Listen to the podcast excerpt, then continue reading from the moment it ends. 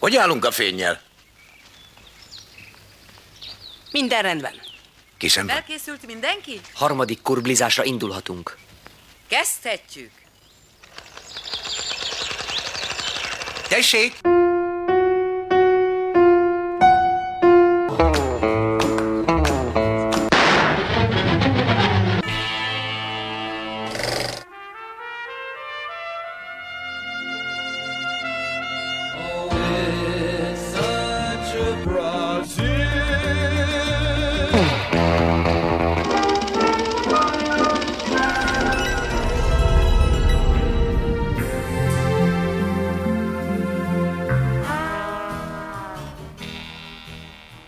Újvidéki Rádió filmkultúrát ápoló műsora az amerikai filmkészítő testvérpár Joel Cohen és Ethan Cohen véresen egyszerű címen 1984-ben megjelent páratlan szerzői mesterművét tárja fel. Az alkotópáros első nagy sikerét jelentő játékfilm a rettegés és a röhögés könnyedén borzongató, groteszk élményén keresztül elmesélt, véres és cinikus hétköznapi történet. A film a 80-as évek amerikai művészfilm világának páratlan stílus összetettséget megvalósító csúcs teljesítménye. Operatőre a később rendezőként karriert építő Barry Zonenfeld, zeneszerzője pedig Carter Burwell.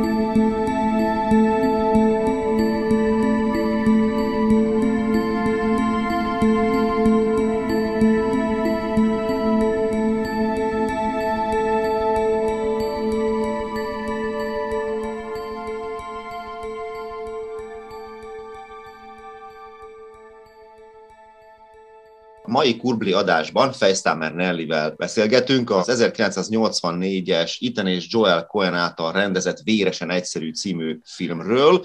A hivatalos nevem az Fejsztámer Kornélia, és Magyar Kanizsán élek már tíz éve, de eredetileg egyébként szabadkai vagyok, és ott fejeztem Szabadkának közgazdasági egyetemet. Amióta a Magyar Kanizsai önkormányzatnál dolgozom, szinte mindig ugyanabban a pozícióban munkálkodtam, ez pedig az, hogy a fejlesztésekért vagyok felelős, és jelenleg is a gazdasági osztályt és a fejlesztési osztályt vezetem. Mi pedig onnan ismerjük egymást, hogy tavaly, amikor bejött ez a csúnya Covid vírus, mi a nyarat Kanizsán töltöttük, legalábbis egy jelentős részét, és akkor ott ismerkedtünk meg tulajdonképpen, nem csak veled, hanem egy egész társasággal. Ami érdekes, hogy amikor felhívtalak, vagy rád írtam, nem is tudom már, hogy beszélgess velem erről a filmről, rögtön tudtad ezt a filmet. Te egyszer-kétszer eljöttél már a filmklubba hozzánk Szabadkára, tudom, de ezt azt hiszem, hogy nem ott néztük együtt, ugye? Nem, itt kivételesen egymagam néztem meg. És most nézted meg nem régen, vagy, vagy egy régi élmény? Régi élmény, viszont azért maradt meg ennyire, mert nagyon nagy hatással volt rám. Tehát úgy megmaradtak momentumok, és nem biztos, hogy a cselekményre emlékeznék, de így a hatás, amit keltett bennem, az úgy abszolút élt, amint rám értál, utána így visszajöttek a jelenetek, meg úgy az egész film.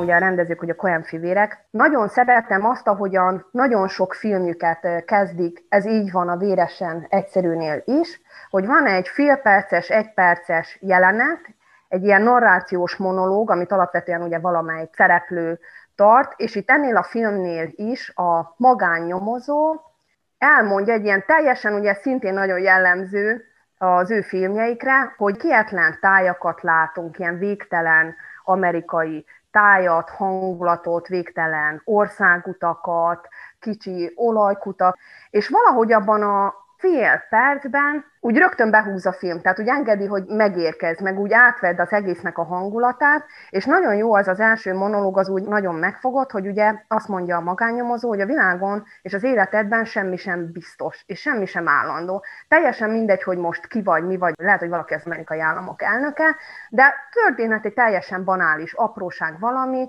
ami teljesen megváltoztatja az életedet, és holnaptól már egészen más életet élsz, mint addig. És valahogy ezt szerintem így az egész filmre ráhúzzák ezt, hogy sosem lehetünk biztosak a dolgunkban, abban, hogy minden kiszámítható a jövőben, mindig jöhetnek váratlan pillanatok. Nagyon izgalmasnak tartom ezt az alkotópárost. Nekem különben még a, a Nagy Lebowski az a film, ami azt szoktam rá mondani, hogy boldogtalanabb ember lennék, hogyha azt a filmet nem készítik el. Én azt fiatalabban, mikor láttam, végig nevettem, és többször is megnéztük, és nagyon tetszett. A szerzőpáros eddigi alkotásai közül melyiket emelnéd ki? Hát én egyébként a nem védnek való vidék, azt, amit nagyon-nagyon szeretem, és azt nem régiben néztem meg éppen újonnan is, az égető bizonyíték, a Fargo, Nekem úgy ezek azok, amik úgy nagyon jellemzőek és nagyon hangulatosak. Majdnem mindegyikben játszik a Francis McDormand. Ennek a filmnek is a, a kulcs karaktere. Azt nem tudom, te tudod-e, hogy hogy jöttek ehhez a filmhez, hogy ő legyen a főszereplőnő? Mert nem. éppen úgy, úgy szeretek, amikor így filmeket nézek, és hogy foglalkoztatnak meg ezt a színésznőt, különösen nagyon kedvelem. Pont úgy a karakterét. És ez a film ugye az első, amin együtt dolgoztak, meg ugye utána ő Joel Cohennek a felesége is lett, rögtön közvetlenül ez a filmforgatás után. És ez úgy alakult, hogy először nem is őt szánták a film főszereplőnőjének, hanem az osztálytárs nőjét, csak az valamilyen ütemezési problémák miatt nem tudott volna részt venni a forgatáson. És ő maga ajánlotta saját maga helyett a McDonaldet, és amikor őt behívták meghallgatásra, nagyon tetszett a fivéreknek a, a lány, és visszahívták második körös castingra is, és nem jelent meg rajta. És akkor fölhívták, hogy mégis mi volt a gond. És McDormand azzal érvelt, hogy ő sajnálja, hogy nem tudott részt venni a második körös castingon, de neki a fiújának volt egy kétmondatos meghallgatása, és ő inkább arra ment el, és ő azt tartotta fontosabbnak. És erre a Cohen fivérek, ugye erre hogy reagáltak, hogy van egy nő, akinek mi állást ajánlunk egy nagyon jó filmben, ugye egyik főszereplőnő, és ő ilyen bagatel dolog miatt nem jön el, és egyből rávágták, hogy nekik ez a nő kell főszereplőnek, hogy Ebbi karaktere az egy ilyen nő, aki lehet, hogy kicsit ilyen félénk, vagy valami, de amikor cselekedni kell, akkor úgy mindig tudja, hogy mit kell, hogy tegyen, vagy ő kiáll magáért. Ugye ez Texasban játszódik, hát nyilván ez a világ is alapvetően zárt a film karakterei is eléggé zártak, és nagyon érdekes az, ahogy ezek a karakterek egymáshoz viszonyulnak, ahogy ezek a karakterek egymással kommunikálnak, mert ugye van ez a magánnyomozó, szerű, kistílű bűnözőnek tűnő karakter, akkor van a Francis McDormand, aki egy bizonyos értelemben femme fatale, végzett asszonya, hiszen elkezd kavarni a férje tulajdonában lévő bárnak a pincérével aki meg teljesen a hatása alá kerül, de ugyanúgy hatása alatt van a nőnek a férje is. És egy ilyen melodrámában van a férj, mert a megdormed megcsal. Ja, és erre rájön. És a pincér egy ilyen jó kiállású laza csávó, ő meg teljesen belekabajodik ebbe a történetbe, megpróbálja eljátszani, hogy, hogy mennyire laza, és nem is figyel oda a nőre, de aztán valahogy egyre jobban a hatása alé kerül a nőnek, fura módon. Persze tudom, hogy a szerelem az akár működhet így is, hogy hogyha van két karakter, és az egyik karakter mondjuk valahol annyira felkelti a másik érdeklődését, hogy közben jön rá a másik is, hogy hát valójában szerelmes, szerelmes a nőbe. Tehát van ez a három karakter, illetve négy, mert a nő, a két férfi és a nyomozó. Ennek a négy embernek a játéka, a jelenetek, ahogy félreértik egymást, ahogy keveredik a melodráma a krimivel, és a thrillerrel, és a fekete komédiával, szóval ezt teszi ezt a filmet szerintem egyrészt nagyon izgalmassá, és az, hogy ez a film már érezhetően a nagyon mély Amerikáról szól. Egyetemes kérdéseket vet fel a film, de mégis a történet bele van helyezve ebbe a, a mély amerikai közegbe. Nagyon jó tükröt mutat Amerikára. Én nagyon humán beállítottságú vagyok, ilyen emberközpontú. Filmekben is számomra nagyon fontosak a karakterek. Éppen ezért szeretem a Coen fivéreknek a filmjeit, mert szerintem tűpontossággal dolgozzák ki az összes szereplőt, az összes karaktert és az összes jellemzőiket ezeknek a karaktereknek. És itt is, ahogy mondtad, van a, van a nyomozó, ugye, aki, aki egy borzasztó idegesítő személyiség, és körülötte minden hangulat is ezt erősíti bennünk, nem tudom, ilyenek erre fölfigyeltél hogy folyamatosan egy, amikor őt mutatja a kamera, egy légy zümmög a feje körül, nagyon idegesítően nevet, legalábbis én nem tudom, hogy bárki kedveli a nyomozó karakterét, de ő egy valóban ilyen idegesítő. A férj pedig nagyon érdekes, hogy egy ilyen félelmet tart a feleségben, de mégis azt kell, hogy mondjam, férfiként egy ilyen, bocsánat a kifejezést, tehát egy ilyen töketlen szereplő, mert nagyon félelemkeltő egyént próbál játszani, de amikor megjelenik a bárban a szerető, és egyértelmű, hogy vele csalta meg őt a felesége, nem mer vele mit kezdeni. Vagy amikor meglátogatja őket a házban, ahogy úgy betör, mert kvázi a réj, a szerető nyitva hagyta az ajtót, és akkor is úgy kiráncigálja a nő, de a nő rúgja a hasba, és aztán ő úgy elmenekül, meg minden, tehát ott is így nem, sosem tud férfiként kellőképpen így föllépni, vagy megvédeni az érdekeit, sőt, amikor fölbérli a magánnyomozót arra, hogy megölje a, a feleségét és a párját, akkor sem ő kéri meg és mondja ki, hogy ölje meg, hanem hallgat, és a nyomozónak kell kimondania azt, hogy akkor azt kéred, hogy öljen meg őket, tehát hogy ennyire fél tulajdonképpen, és végül is a nő karaktere szerintem éppen az, aki valóban így a leghatározottabb, ő tudja úgy a legjobban, hogy mit akar.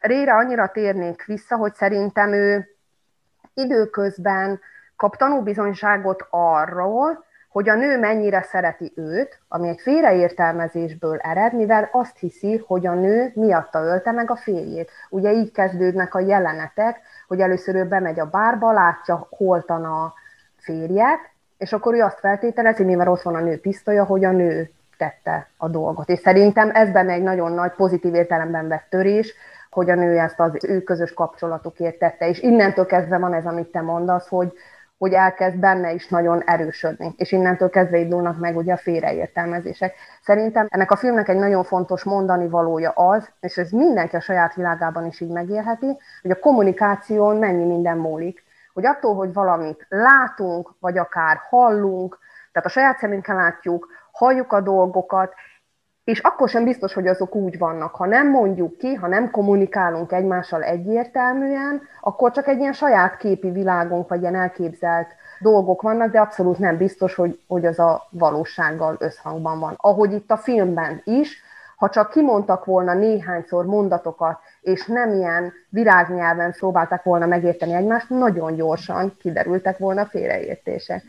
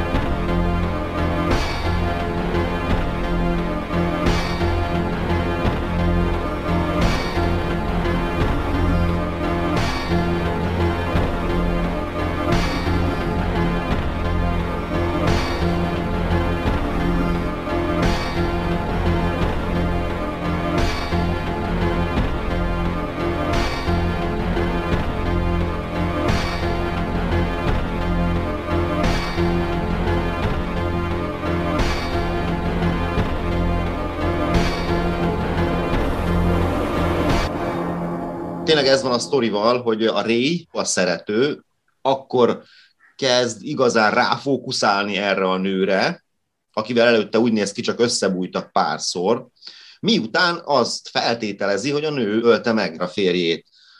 Igen, ez egy nagyon érdekes. Ki is mondja különben ott, hogy szeretlek. Azt hiszem ott a kocsiba ülnek. Ott az elején az folyamatosan csak ez a kedvelek, Aha. kedvelek, de a nő azt úgy veszi szinte, mint hogy azt mondaná a Ray, hogy szeretlek. Igen. Van egy ilyen egy dialógus egyébként, ami többször visszatér, csak más-más szereplők között. Ez a szeretlek, és nagyon komolyan gondolom, és a másik fél, meg így fejeződik is a film, hogy a nő azt mondja, amikor van egy ilyen, ahol csak így elképzel jelenetet, és hogy szeretlek, azt mondja a férjének, és a férj mondja, hogy tudom, hogy csak azért mondod, mert félsz tőlem. Ez is egy ilyen uh-huh. visszatérő jó, hogy itt a karaktereket így szét tudtuk választani, meg ki tudtuk elemezni egy kicsit, hogy ki mit, milyen motivációval tett és nem tett és gondolt. Még egy valami, ami eszembe jutott, az az, hogy nagyon érdekes hogy a több Coen filmet megnézel, olyan nagyon szépen építi föl a karaktert a film végéig, és a film végén az vagy teljesen összeáll neked minden, vagy ott rombolja össze a teljes képet, ami addig volt benned. Itt is megjelennek ezek az ilyen csendes pszichopata motivum. Tehát az, hogyha valaki halk, az még nem biztos az, hogy az egy jó karakter. Általában a hangos karaktereik, vagy ilyen nagyon agresszívak, pont azok bizonyulnak átlagos embernek, és a nagyon csendes ez például a nem vének való vidékben is így van, meg a Fargóban is, hogy épp, épp azok válnak pszichopatává, vagy azok a pszichopata szereplők, akik az ilyen legnyugodtabb, legvisszafogottabb karaktereket játszák azt, amit én nagyon szeretek ezekben a filmekben, tökéletesen van komponálva, és értelme van, és a legkisebb kép is, a legkisebb hang is, dialógus is, az vagy a cselekmény szempontjából fontos, vagy csak az, hogy bemutassa nekünk a, azt az adott karaktert. Egyetlen egy fölösleges jelenetet nem látok, abszolút jogosak a félreértések. Tényleg tökéletes film, azt kell mondjam. És különben a Koenék ennek a filmnek a nyelvét, az esztétikáját, az a mondani való, amit ők Amerikáról gondolnak, azt ebben a filmben annyira letették az asztalra, hogy azóta se haladták meg. De egyébként minden drámai pillanatban is azt szeretem nagyon, hogy olyan értelemben odafigyelnek a nézőre, hogy pontosan ott, amikor már ilyen pattanásig feszült a helyzet, bedobnak valami teljesen odaillő, oda nem illőnek tűnő ilyen humorbombát, folyamatosan ezzel játszanak, hogy egy ilyen feszültségkeltett pillanatban is van humor, és a humoros pillanatokban is bevisznek valami komoly mondani valót, vagy valami elvekről szól, szóval ők ezekkel nagyon szépen játszanak oda-vissza. Azt nem tudom, tudod egyébként, hogy Mind a ketten egyetemet fejeztek, de hogy Ethan Cohen, ő filozófus. A testvére, ugye a Joel, ő pedig filmes iskolán fejezett, vagy drámaszakon, és értelmiségi családból származnak, bizonyosan mondani valókat szánnak a filmjeiknek. Tehát, hogy ők Amerikáról is szeretnének képet, a vidéki Amerikáról, arról, amit mi látunk a tévében, tehát valahol erről próbálnak nekünk a valódi amerikai életről egy ilyen képet adni, annak a komoly oldaláról, de a humoros oldaláról is.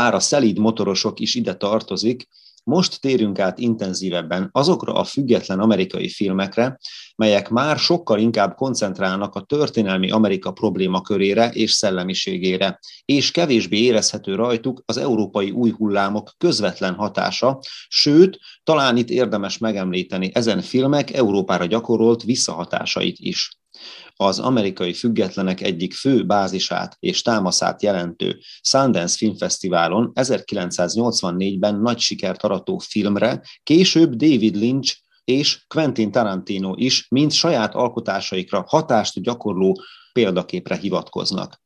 Mai beszélgető partnerem Fejsztámer Cornélia pár perccel internetes egyeztetésünk után ezt a summázatot rögtönözte.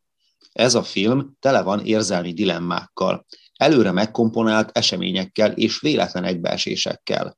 Valahogy semmi nem úgy alakul, ahogy előre tervezik, és mégis minden pont úgy van jól, ahogy van, vagy lesz. Pont, mint az életben.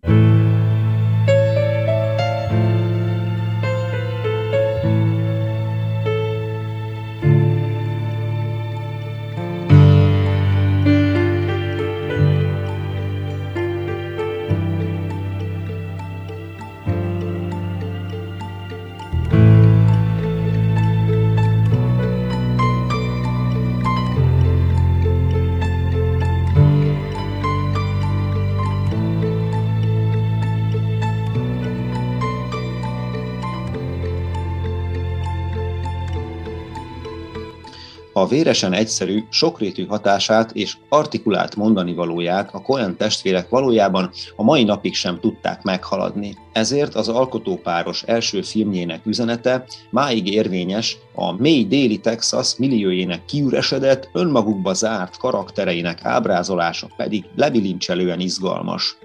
A mindenki mindent rosszul tud, rosszul sejt, tévesen remél és hibásan hisz, gesztusai uralják az elbeszélést. Stílusa játékosan vegyes, mert a klasszikus film noártól a krimin és a thrilleren át a melodrámáig és a groteszk félreértések fekete humorú végjátékáig, továbbá a társadalom kritikus kisrealista és egzisztencialista, szürrealista kamaratörténetig mindent felölel.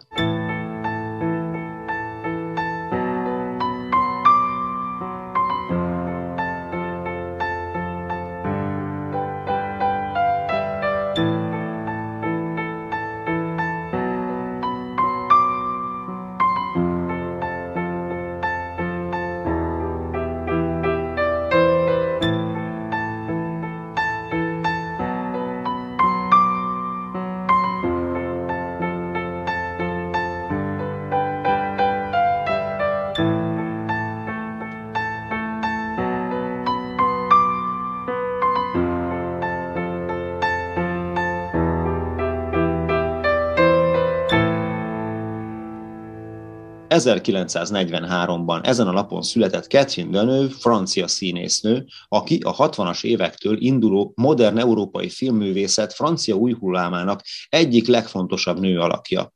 A ma 77 éves színészikon többek között szerepelt Roman Polanski, Louis Buñuel, Marcel Camus, Agnes Varda, Jacques Demy, François Truffaut, Marco Ferreri, Jean-Pierre Melville, Robert Aldrich, Tony Scott, Dino Risi, Manuel de Oliveira vagy Lars von Trier filmjeiben is. Következzék a Catherine Deneuve főszereplésével bemutatott Sherburgi Esernyők című film betétdala, az I Will Wait for You, Várni fogok rád című dal Mary Opert előadásában. Boldog születésnapot, Catherine!